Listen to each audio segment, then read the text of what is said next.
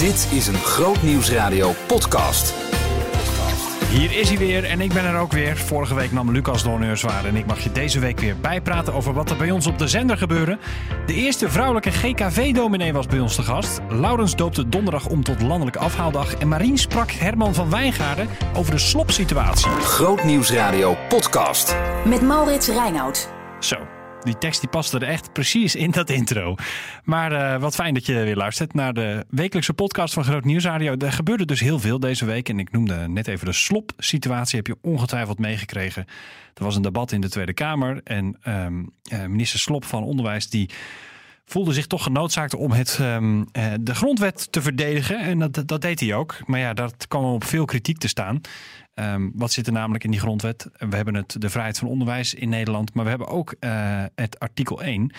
Wat zegt, nou je mag niet discrimineren. Op wat voor grond dan ook. En daar hoort seksuele geaardheid dus ook bij. Ehm, dat is allemaal ingewikkeld. We spraken daarover met Herman van Wijngaarden. Hoor je later in deze podcast. Eerst wat anders.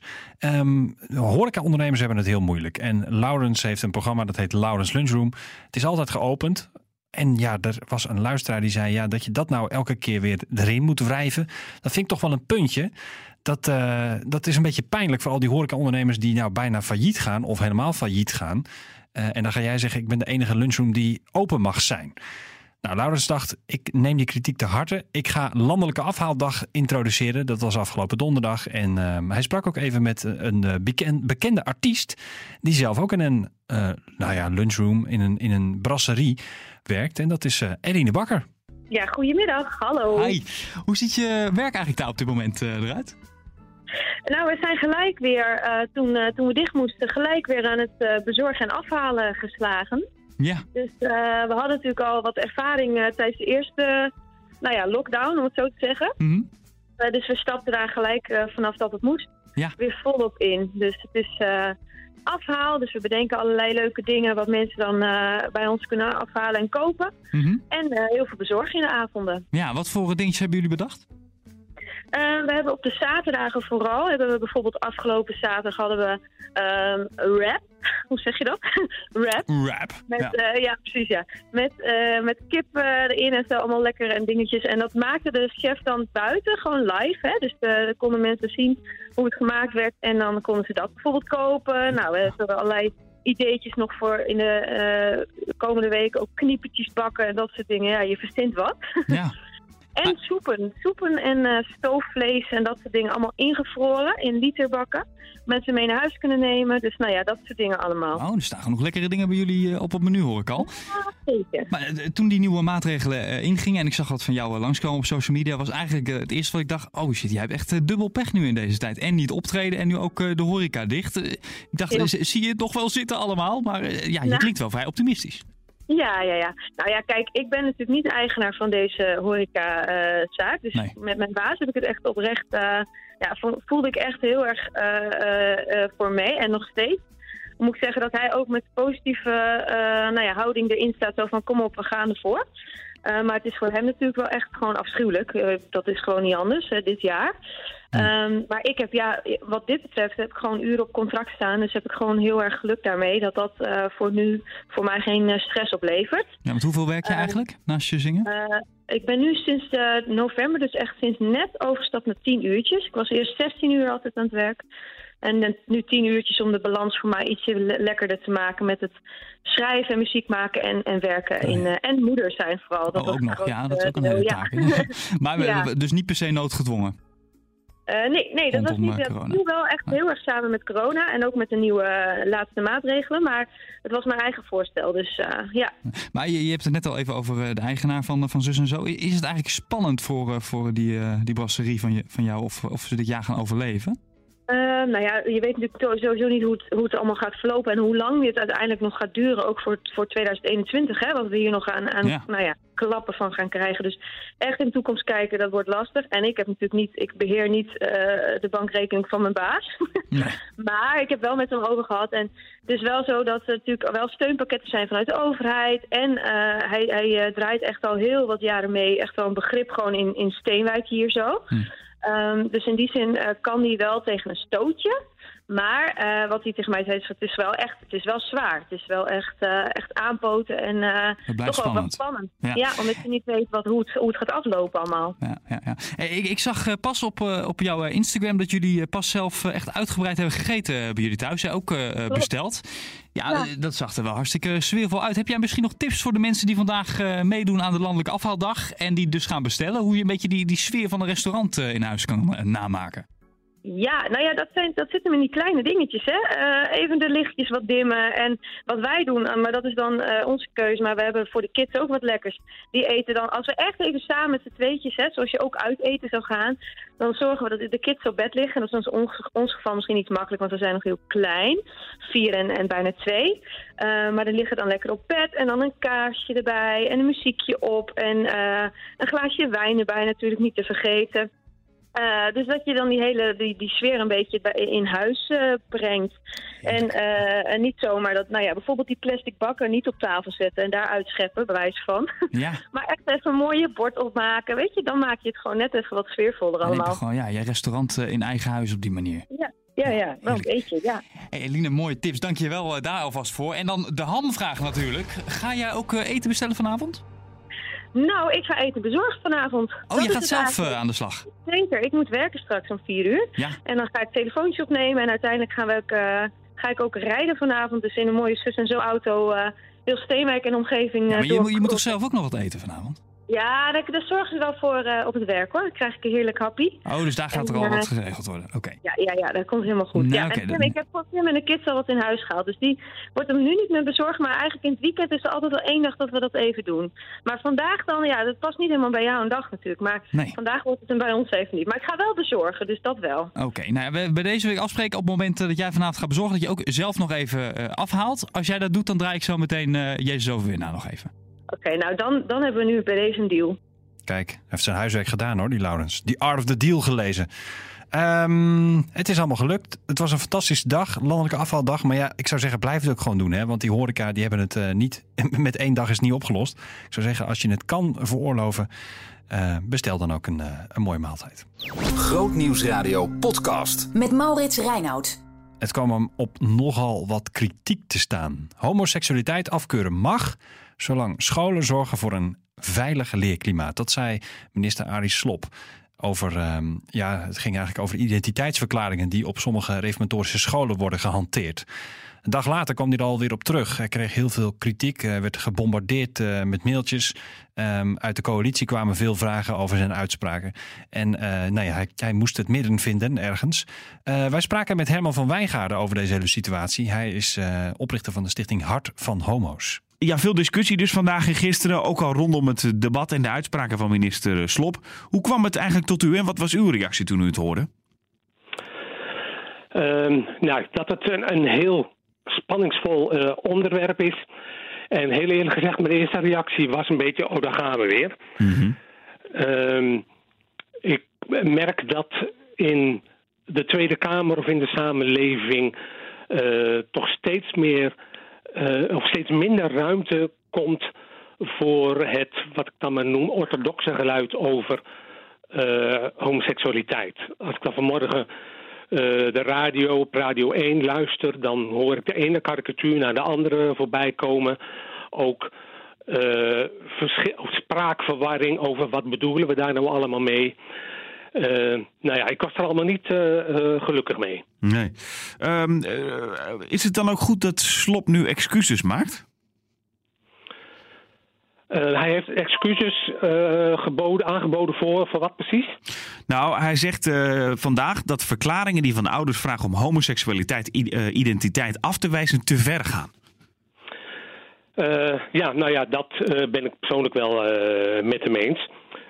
Ik vind ook dat je de homoseksuele identiteit van een jongere niet eh, ter discussie mag stellen. Ja.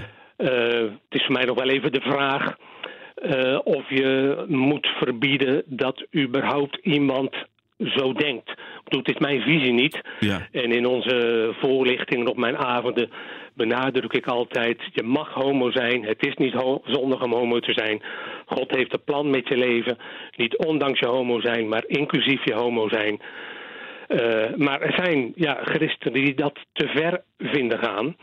En ik denk zelf ja, dat het niet zoveel zin heeft om hen dat te verbieden, om dat eh, te zeggen. Ik ben bang dat dat eerder averechts werkt en dat deze mensen zich nog meer uh, achter een bolwerken verschuilen dan dat er werkelijk beweging in het gesprek komt. Ja. Hoe vindt u eigenlijk dat christelijke scholen hiermee om moeten gaan? Want het is, u zei het al eventjes, hè? u dacht daar gaan we weer. Het is natuurlijk zo'n thema dat één keer in de zoveel tijd weer voorbij komt. Maar hoe kan je daar als christelijke school nou op een gezonde manier mee omgaan? Nou, ik moet eerlijk zeggen dat ik de indruk heb dat veel reformatorische scholen daar op een mooie manier mee omgaan. Ik kom niet op alle reformatorische scholen, wel op veel. En alleen dat feit vind ik al een, nou ja, een, goed teken. Uh, ik mag daar uh, zeggen wat ik wil. Tenminste, ik ben er nog nooit op aangesproken dat ik iets uh, verkeerd zeg. Ik hou natuurlijk wel degelijk rekening met de visie, die ook mijn visie is, dat seksualiteit voorbehouden is aan de relatie tussen een man en vrouw. Uh, maar ik merk dus dat reformatorische scholen ruimte willen geven aan het gesprek. Uh, ik merk in klassen waar ik kom dat veel jongeren op reformatorische scholen hebben al lang geen moeite meer met de homoseksuele relatie. En uh, nou, dan voel ik mij niet geroepen om daar een halt uh, toe te roepen van zo mag je niet denken. Dan probeer ik daar het gesprek uh, over op gang te brengen. Ja. En die ruimte krijg ik uh, op reformatorische scholen. Ja. Nou, nou wordt er ook gezegd, hè, dat ik vind het een heel belangrijk grondrecht dat ouders de mogelijkheid hebben onderwijs te zoeken of te organiseren dat aansluit bij hun waarden, wordt gezegd. Kan dat dan nog wel? Nou ja, als uh, de, de, deze discussie wat mij betreft de verkeerde kant op gaat, dan wordt dat, wordt dat moeilijk. En dat zou ik toch wel een ernstige zaak vinden. Als, nou ja, als dat niet meer mogelijk zou zijn. Ik ben het wel eens wat, met wat Pieter Moens vanochtend van de VGS ook op de radio zei. ouders kiezen voor een bepaald soort onderwijs. Dus die mogen verwachten dat er uh, in de principiële lijnen van deze school uh, lesgegeven wordt. Ja, aan de andere kant wordt, wordt nu dan in die discussies vaak gezegd: ja, kan je wel spreken van een veilig leerklimaat waar dan over wordt gesproken als een school homoseksualiteit afkeurt? Ja, uh, ik snap dat dat een spanning op kan leveren. Maar ik wil het toch ook wel een beetje relativeren. Ik heb pas een avond gehad waaraan een homoseksuele reformatorische jongen van 16 meedeed. En het was met uh, aankomende pedagogen, een mm -hmm. reformatorische context. En uh, hij kreeg alle ruimte om zijn verhaal te doen. En opvallend genoeg was toen de vraag naar boven kwam van wel of niet een relatie, had hij zoiets van: Mensen, ik ben 16. Aan die vraag ben ik nog helemaal niet toe. Laat me het met rust. Ja. Ik bedoel maar aan te geven, er zijn veel meer onderwerpen rond homoseksualiteit dan die ene vraag: mag het nou wel of mag het nou niet? Ja. Uh, dus ik. Uh, ik denk dat het uh, nou ja, mogelijk is om vanuit een, wat ik dan noem, behoudende visie op homoseksualiteit een veilig klimaat te creëren. Het is het wel van belangrijk dat je dus ruimte geeft voor het gesprek. En dat je niet het uh, gesprek dichtgooit met van uh, ja, maar zo staat het niet in de Bijbel afgewezen. Ja, dat is uh, hoe Herman van Wijngaarden graag ziet dat het gesprek over homoseksualiteit op scholen wordt gevoerd. Grootnieuwsradio podcast. Met Maurits Reinoud. Ik had deze week uh, nog even contact met haar, Almentine Lene, over een uh, project. En ze appte naar me, ja, ik denk niet dat het gaat lukken, want ik ben gewoon ontzettend druk. En dat snap ik ook wel, want ja, ze is de eerste vrouwelijke predikant in de Gereformeerde Kerk vrijgemaakt. En ze is vorige week bevestigd. Zo zeg je dat toch? Dat dacht ik in ieder geval. Ze komt uit Zuid-Afrika en ze had dan wel tijd voor uh, bij Jorike. Ja, dat snap ik ook wel, want daar wil je natuurlijk even je verhaal doen. Uh, Jorike vroeg zich af, ja, hoe zit dat nou precies met die roeping van jou? Want je ging eerst naar Zuid-Afrika, nu ben je weer in Nederland. Hoe kan je nou dat land waar ik zelf, dat is dus Jorike, zo'n fan van ben, hoe kan je dat nou achter je laten? Ja, nou ja, ja, dat klinkt dan heel vroom, maar het is wel een beetje zo. Als God je roept, dan ga je, zeg maar. En dat, dat, uh, dat heb ik andersom ook al wel moeten beleven. En ook al wel in het mooie Zuid-Afrika gezeten en Nederland enorm gemist en het daar heel slecht gehad ook. Um, maar dat ik toch het idee had, ik moet daar nu zijn. Ja, en nu heb ik het idee, ik moet hier nu zijn. Ja, ja. en dan, uh, ja, dan laat je het achter. Ja. ja. dus je wordt geroepen ja. en daar ga je. Ja, en het is inderdaad niet omdat ik heel graag naar Nederland per se wilde of zo. Nee, nee dat, nee, dat is niet. Nee, niet nee, van, oh yes, nee, kan ik wel even willen blijven, ja. ja. Mis je Zuid-Afrika? Ja, ja zeker. Wat ja. mis je? Oh, van alles. De bergen, de zee, de zon, uh, de mensen. Um, ja, de cultuur. Mm, de culturen is het eigenlijk. Ja, van alles. Nee, ik mis het wel. Ja. En hoe ga je daarmee om met dat gemis? Ja, daar geef ik niet te veel aandacht aan. Uh, af en toe komt het er wel eventjes uit hoor. Maar, um, dus ik wil het ook niet wegstoppen. Maar ja, je weet je, je bent hier nu. Dat heb ik ook wel geleerd in al die jaren. Van je, waar je bent op dat moment, daar maak je het beste van en daar ga je voor. En dan helpt het niet om de hele tijd uh, te vergelijken of om aan het andere land te denken. Dus ik uh, heb heel lang altijd vergeleken in welk land ik ook al was. En mm -hmm. dat ja, dat moet je niet veel doen. Dus ik focus me op, op, op wat mooi is hier en wat goed is hier. En we genieten van, dat, uh, van de veiligheid, dat we kunnen fietsen. Gisteravond ging ik even in het donker lopen met een vriendin. En ik schrok echt twee keer van ineens wat, wat er gebeurde. Zeg, nou zo, zegt ze, je bent echt nog niet gewend om in het oh, donker ja. gewoon op straat te lopen. Zeg, nee, dat, dat ben ik zeker nog niet gewend. Dat is echt, uh, was in Zuid-Afrika zeg maar not done. Ja. En uh, ja, dus dat zijn mooie dingen ook wel. Ja, al moet je daar even aan wennen.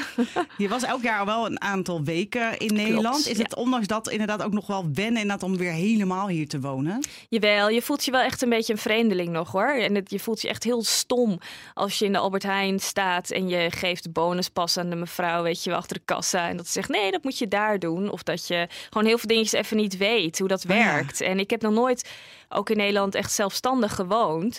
Dus oh, ja, allerlei dingen afsluiten, energie en, uh, en, en, nu met kinderbijslag en dingen. Ik heb er echt, ik snap er allemaal niks van, weet je wel. Ja. Dus dat, dat voelt heel raar, want je bent Nederlander, maar ondertussen ben je ook echt een vreemdeling. En, en ja, en ook alleen al in hoe je mensen groet. Dus in Afrika, zodra je iemand ziet, uh, ook al ken je diegene niet goed, dan is dan, hoi, hoe gaat het? En dan heb je even een heel kort gesprekje.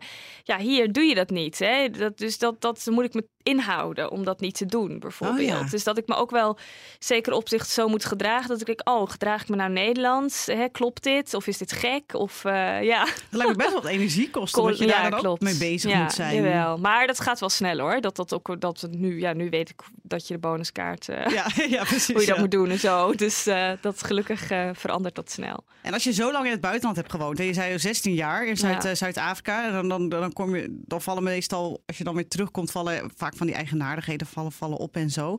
Ben je door in Afrika te wonen ook dingen echt gaan zien van Nederland die je nu erg opvallen? Ja, heel veel. Um, in Zuid-Afrika zijn mensen zeg maar veel hoffelijker. Hè? Dus, dus uh, ze geven veel meer complimenten ook. Uh, als je aan tafel zit, dan wordt wel drie keer gezegd hoe lekker het eten is, zoiets. Hè? En dat je het begin wel denkt van ja, oké, hou nou maar op of zo. Ik geloof het niet meer, weet je. Maar dat, dat is wel zo deel van mijzelf geworden dat ik het nu heel erg mis dat niemand dat zegt. Ja. En um, dat ik denk, ik vind het ook wel heel mooi. Gewoon een stukje beleefdheid. Een stukje, ja, dat, dat mensen gewoon complimenten geven. Als ze elkaar zien, is hoi, wat zie je er mooi uit? Wat heb je leuke kleren aan? Of uh, weet je, gewoon... Uh, ja, dat, dat, dat hebben Nederlanders minder. Die, ja. uh, die zijn gewoon eerder wat kritischer. En uh, die, uh, ja. Probeer dat dan wel gewoon erin te houden. Ja, als jij graag. ergens eet, ja, dat, dat, je dan gewoon drie keer zeker. zegt. Ik hoop echt niet dat ik dat verlies, inderdaad. Dat zou ik jammer vinden. Maar nee, dus zo zijn er best wel veel dingen. Um, ja, ook gewoon praktische dingen. Mijn kinderen en wij zelf ook liepen altijd heel veel op blote voeten. Dat is trouwens in het Afrikaans ook een mooi woord, Thijs. Kaalvoet. en... Ja, dat is ook nog wel aanpassing en zo. Hè? Dus mijn kinderen die zijn regelmatig op buiten gewoon op de blote voeten. In de kerk was onze middelste, die liep ook op blote oh, ja. voeten. Ik weet wie heeft meegekeken zondag. En, uh, en dat je ook wel, wel Nederlanders hoort zeggen. Er was zelfs een stewardess toen we het vliegtuig uitkwamen. Die, toen liep onze middelste ook op blote voeten. En uh, toen zei ze, nou dat kan toch echt niet, weet je, hoorden we dus zeggen. en dat je echt denkt, ja, het kan wel hoor, weet ja. je. oh, dat zielige jongetje, die krijgt ja, precies, van die, moeder. ja, die heeft geen geld of zo, ja. dus uh, nee, dus je denkt, ja, het is ook nog goed voor je voeten ook hoor. Maar ja, dat zijn wel gekke dingen. Dat zijn wel gekke Ja. dingen, ja. Ja. Hey, we gaan heel even um, helemaal terug in de tijd. Want in de, in de voorbereiding op dit gesprek kwam ik een hele schattige foto tegen van jou. Als Ja. zesjarig meisje dat domineetje aan het spelen was. Ja, ja. Dominee zijn trok je toen al aan? Klopt, ja. ja. Ik heb heel veel verschillende foto's ervan. Uh, want dat speelde ik bijna elke zondag volgens mij. Dus dan, of, of ook nog wel in de week. Maar uh, vooral geïnspireerd natuurlijk na Ja. de dienst. En uh, ja, dan, dan, dan doopte ik en ik preekte. En ik had ook dus in de kerk... had ik ook altijd een koffertje mee met boekjes. En ik zag laatst nog zo'n boekje. En ik kon blijkbaar al op, op zeven ook behoorlijk schrijven, zag ik ineens. En eh, dan, dan schreef ik ook de stukjes van de preek mee. En ik maakte daar zelf dingen. Ik schreef heel veel op. En eh, ja, dus ik heb hele preekboekjes eh, heb ik nu weer terug, zeg maar, in huis. Dus dan ga ik nog eens doorheen. Ja, ja, je weet staat er nog iets interessants in voor nu. En tegen, tegen, wie, tegen wie preekte je dan? Ja, mijn broertje, ja, die was slachtoffer. Ja. ja. die, ja, je moet wel iemand in de kerk hebben, anders is het ook zonde. Dus met de piano daarnaast. Dus ik deed ook gewoon alles. Dus van de zang tot en met, ja. Toch Ja. fantastisch. Maar dat zat, Ja. dat, dat, dat zat er zo vroeg al in. ja. Ja, de kerk vond ik echt heel interessant. Ja, en, en weet je nog wat, je wat je daar dan interessant aan vond? Nou, ik denk, behalve de hele gang van zaken, vond ik vooral het geestelijke aspect wel echt interessant. Hoe dus zo'n preekje dus kan raken. Hoe er dus over God wordt gesproken. Hoe daar dus de Heilige Geest in doorwerkt of zo. Hè? Dus dat, eh, hoe je daar dus eh, troost krijgt. eh, ja, hoe die gemeenschap zich eh, vormt. Iedereen kent elkaar, iedereen vraagt naar elkaar. Ja, dat, dat intrigeerde mij geweldig. Dat, eh, ja. En wanneer kwam je erachter dat het voor jou als meisje niet mogelijk leek te zijn om dominee te worden? Nou, ik denk dat ik, zeg maar, het is schattig als je dat speelt tot je een jaar of 7, 8 bent. Hè, dan hou je daarmee op.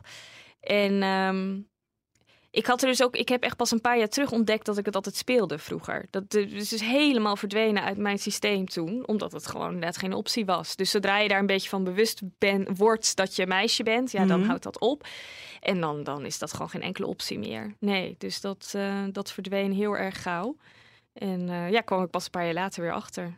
En toen je, toen je wel gewoon wat, wat ouder werd, eh laat ik dat je 12, 13, 14, stoorde je dat toen al? Dat je dacht, oh, hier kunnen vrouwen helemaal geen dominee worden? Nee, wat dat, dat, daar werd niet over gesproken. Dat werd gewoon, eh, dat was gewoon een feit. Dus daar, nee, dat, dat is dan zo in beton gegoten dat je daar inderdaad ook niet eens eh, over nadenkt. En toen ervaarde ik dus ook nog geen enkele roeping. En toen wilde ik dat ook niet per se of zo. Dus dan, ja, dan, dan vraag je dat niet af. Dat begon pas toen ik echt. eh, theologie ging studeren en ervaren dat ik, eh, ja, dat ik dominee eigenlijk wel graag wilde worden, maar dat niet kon. Dus dat ik dacht van, ja, hoe kan dat nou? Geroepen worden, maar het niet mogen. Dus dan heb ik een probleem. Dus toen moest ik op onderzoek uit.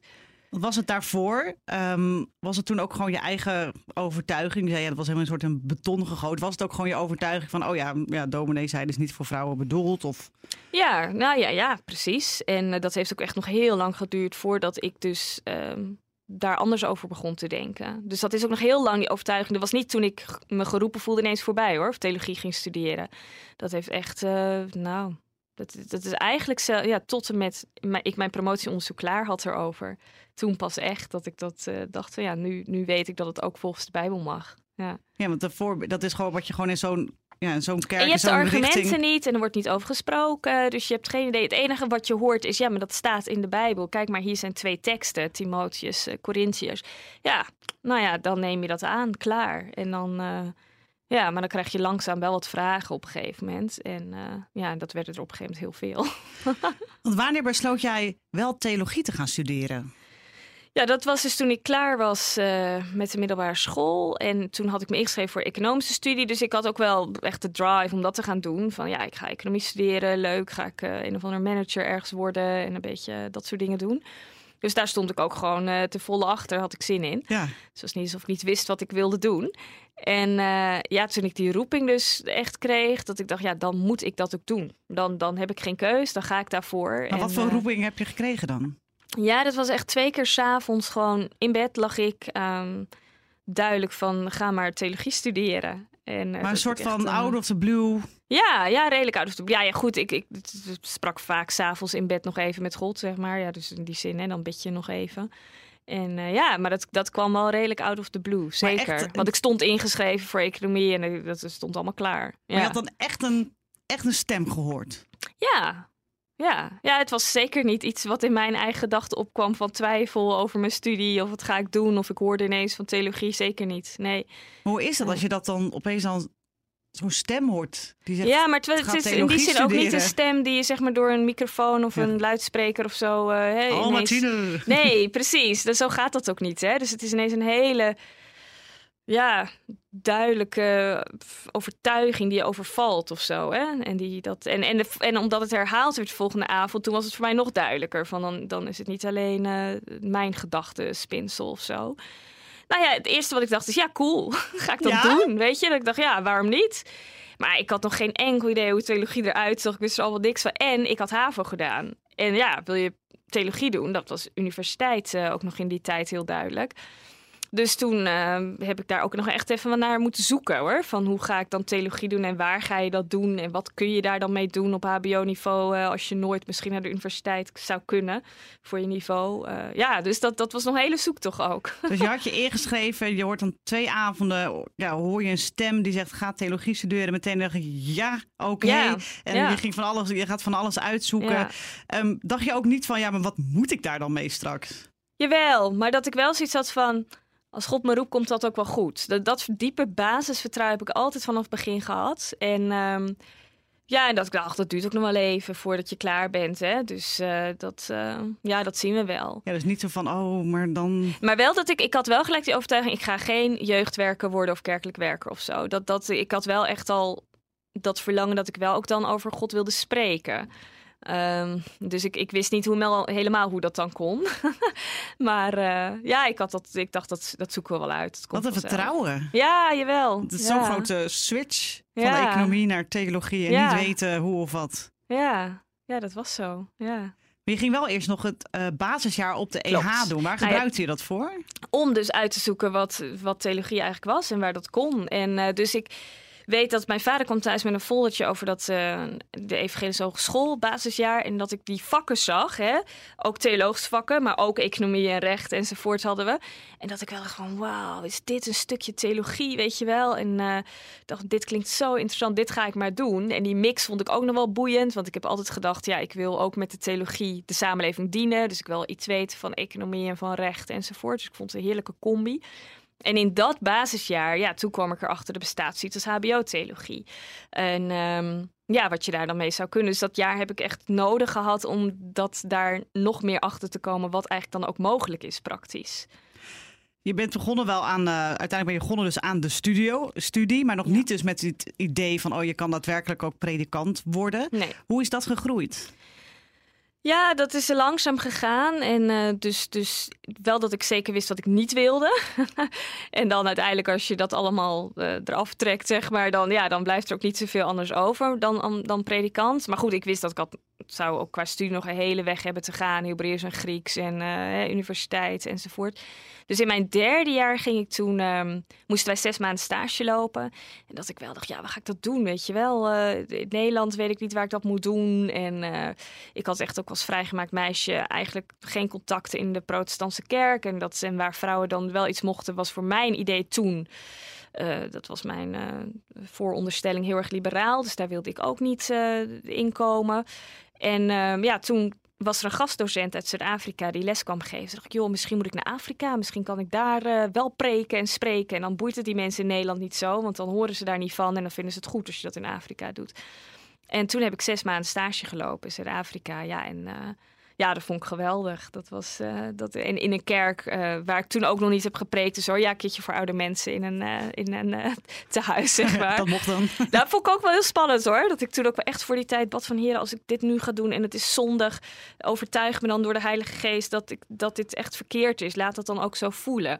En dat was voor de zeg maar zes slapende bejaarden. Oh ja, oh, maar, maar dat En, dan vond ik heel wat- spannend. Ja, jawel hoor. Want dat was toch voor mij mijn eerste preek. Ja, en, eh, maar ja, toch ergens dus in je achterhoofd van, oh ja, maar dit kan, dit zou heel zondig kunnen zijn. Ja, zeker. Ja, ja, en dat het klaar was dat ik wel dacht van nou, ik heb niet het idee dat dit nou zondag was. Maar ja, dat had ik de argumenten niet voor. Het voelde niet zondag, zeg maar. Maar dat, ja, ik had er wel rekening mee gehouden dat dat zou kunnen. Ja, nou, dat, eh, dat smaakt naar meer of niet, dit gesprek.